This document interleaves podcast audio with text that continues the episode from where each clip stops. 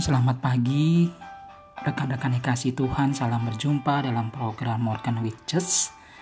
Saya berharap bahwa sobat di mana pun berada yang telah bergabung dalam program ini, dalam podcast ini, sungguh boleh diberikan kesegaran yang baru, kekuatan yang baru, bahkan sukacita yang baru untuk kita bersama-sama datang kepada Tuhan, mengerjakan karya-karya Tuhan melalui setiap bidang dan profesi kita.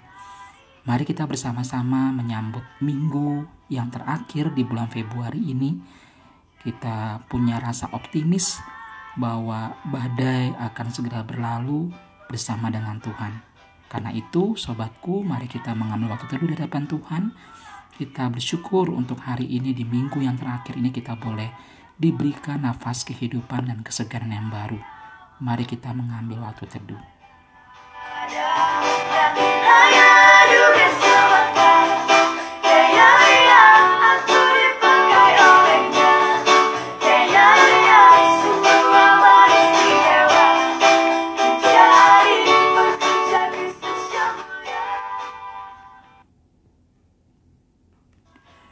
Sobatku, pembacaan kita di minggu ini kembali diambil dari Perjanjian Baru, lebih tepatnya dari surat Paulus kepada jemaat di Filipi. Kali ini kita bicara tentang Rasul Paulus. Kita membaca dari kitab Filipi pasal yang pertama, ayat yang ke-12 sampai ayat yang ke-17. Filipi pasal yang pertama ayat yang ke-12 sampai ayat yang ke-17. Sobatku, kalau minggu kemarin kita membaca dari surat yang sama dari penulis Rasul Paulus kepada jemaat di Filipi pasal yang pertama ayat yang pertama sampai 8 kita boleh melihat bagaimana situasi dan kondisi yang sangat sulit yang dialami oleh Rasul Paulus. Apa yang dialami Rasul Paulus sehingga dikatakan sulit? Karena Rasul Paulus sedang di dalam penjara. Sobatku, bayangkan seseorang yang berada dalam penjara, selain dia mengalami kondisi secara psikis yang merasa stres, tidak tenang, kacau balau, dan sebagainya, tetapi juga tidak bisa mengerjakan apa-apa di luar dari jeruji besi. Sobatku, dalam bagian ini yang menarik di dalam surat Paulus kepada jemaat di Filipi, kita melihat bahwa meskipun jeruji besi membatasi akan uh, Paulus di dalam di dalam mengerjakan, tetapi dalam bagian ini kita bisa melihat Perjuangan Rasul Paulus tidak hanya di balik jeruji besi. Dia bisa berkreasi dengan sedemikian rupa dan dia menuliskan surat kepada jemaat Filipi untuk senantiasa kuat di dalam mengabarkan Injil. Dalam pembacaan kita di Filipi pasal yang pertama, ayat yang ke-12 kalau kita membaca sekali lagi, dikatakan di sana bahwa Aku menghendaki, artinya Paulus menghendaki supaya saudara-saudara di Filipi supaya mereka tahu bahwa apa yang terjadi atasku, atas Paulus ini justru telah menyebabkan kemajuan Injil.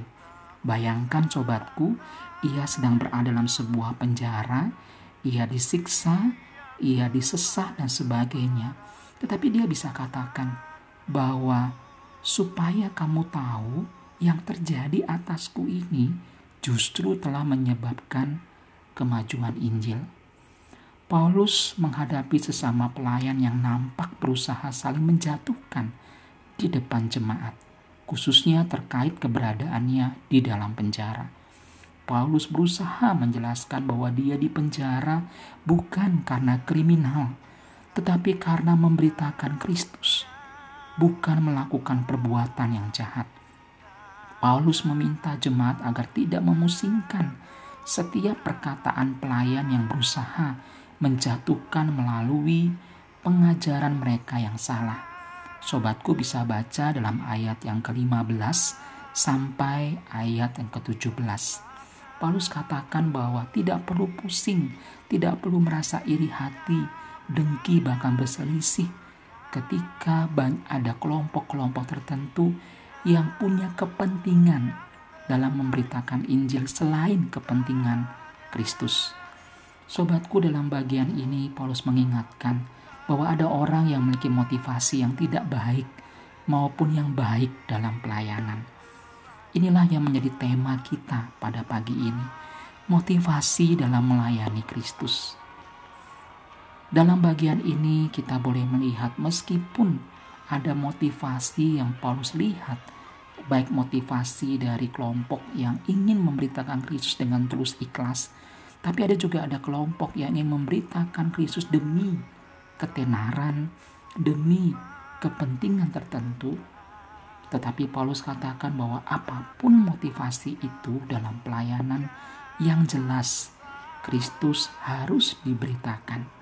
Kita bisa melihat di dalam ayat yang ke-15.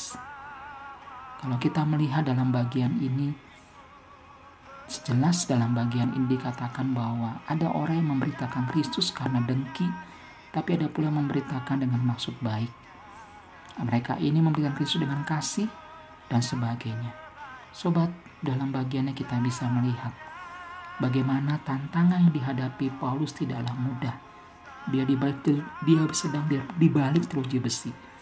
Tetapi semangat dia untuk terus memberitakan Injil melalui suratnya kepada jemaat Filipi, mendorong jemaat Filipi untuk tidak punya iri hati, tidak punya negatif thinking terhadap kelompok-kelompok ini. Sobatku pada masa ini pun kita bisa melihat masih banyak orang yang ingin terlibat dalam melayani Kristus di tengah-tengah jemaat secara daring. Misalnya menjadi kamerawan, penata multimedia, soundman, dan bagian lainnya. Pada sisi lain, hati kita merasa miris saat melihat motivasi seseorang dalam melayani. Ada yang menjadi berkat, atau juga ada yang menjadi batu sandungan. Misalnya, ada orang yang mencari keuntungan, nama besar, status, pengakuan diri, dan lain-lain di, di, di dalam pelayanan secara daring. Pelayan yang memiliki motivasi ini akan selalu merasa cemburu iri, dengki, bahkan benci kepada pelayan lain yang tampak lebih menonjol dari dirinya. Ia akan terus-menerus mencari cara untuk menjatuhkan, bahkan menyingkirkannya. Contohnya dengan menyebarkan hoax, mencari kesalahan, bahkan menjelekkan pelayan itu sehingga menimbulkan perselisihan. Sobatku, bagian hari ini sebenarnya sudah ditulis pada masa lampau oleh jemaat Filipi. Oleh Rasul Paulus maksud saya. Artinya apa? Rasul Paulus menekankan sebagai orang percaya tidak perlu ada rasa dengki ketika ada orang-orang yang punya kepentingan untuk menyenangkan diri, namun juga ada orang-orang yang dengan tulus ikhlas memberitakan Injil. Dikatakan oleh Paulus, no problem, tidak masalah. Kerjakan terus dengan tulus kerjakan terus dengan penuh semangat memberitakan Injil. Sobatku dalam bagian ini kita bisa melihat apa yang bisa kita lakukan setelah kita membaca Filipi pasal yang pertama ayat yang ke-12 hingga 17. Saya mengajak kita memiliki motivasi yang baik dalam melayani maupun saat berkarya. Di tengah-tengah pandemi COVID-19 ini, di tengah-tengah keterbatasan anggota jemaat yang hadir karena keterbatasan masalah umur dan sebagainya. Janganlah kita justru undur dengan berbagai macam keterbatasan itu. Tapi milikilah motivasi melayani seperti Paulus. Dan jangan jauhkan diri kita dari persekutuan-persekutuan. Seperti yang dikatakan Ibrani pasal 10 ayat 24 dan 25. Sobatku, jauhkan diri kita dari segala macam kecemburuan, iri hati, bahkan benci. Tuhan Yesus hanya berkenan pada pribadi yang setia, tulus ikhlas melayani, dan melakukan karya dalam ketulusan. Jikalau kita berada di posisi Paulus atau di tengah-tengah kondisi yang tidak baik, maka fokuskan diri kita dan hati kita kepada Tuhan Yesus agar kita dimampukan untuk terus berkarya di dalam memberitakan akan Kristus. Biarlah ini menolong setiap kita untuk kita senantiasa memiliki hati, memiliki motivasi yang setia, yang tulus ikhlas dalam melayani, bahkan memberitakan Injil, baik atau tidak baik waktunya. Baik saat ini COVID sedang berlangsung ataupun nanti COVID sudah berlalu. Milikilah motivasi melayani seperti Paulus dan juga Kristus. Kiranya Tuhan menolong setiap kita. Kita senantiasa boleh terus menyatakan Injil melalui kesaksian hidup kita di mana pun Tuhan menempatkan kita. Selamat beraktivitas, Tuhan Yesus memberkati.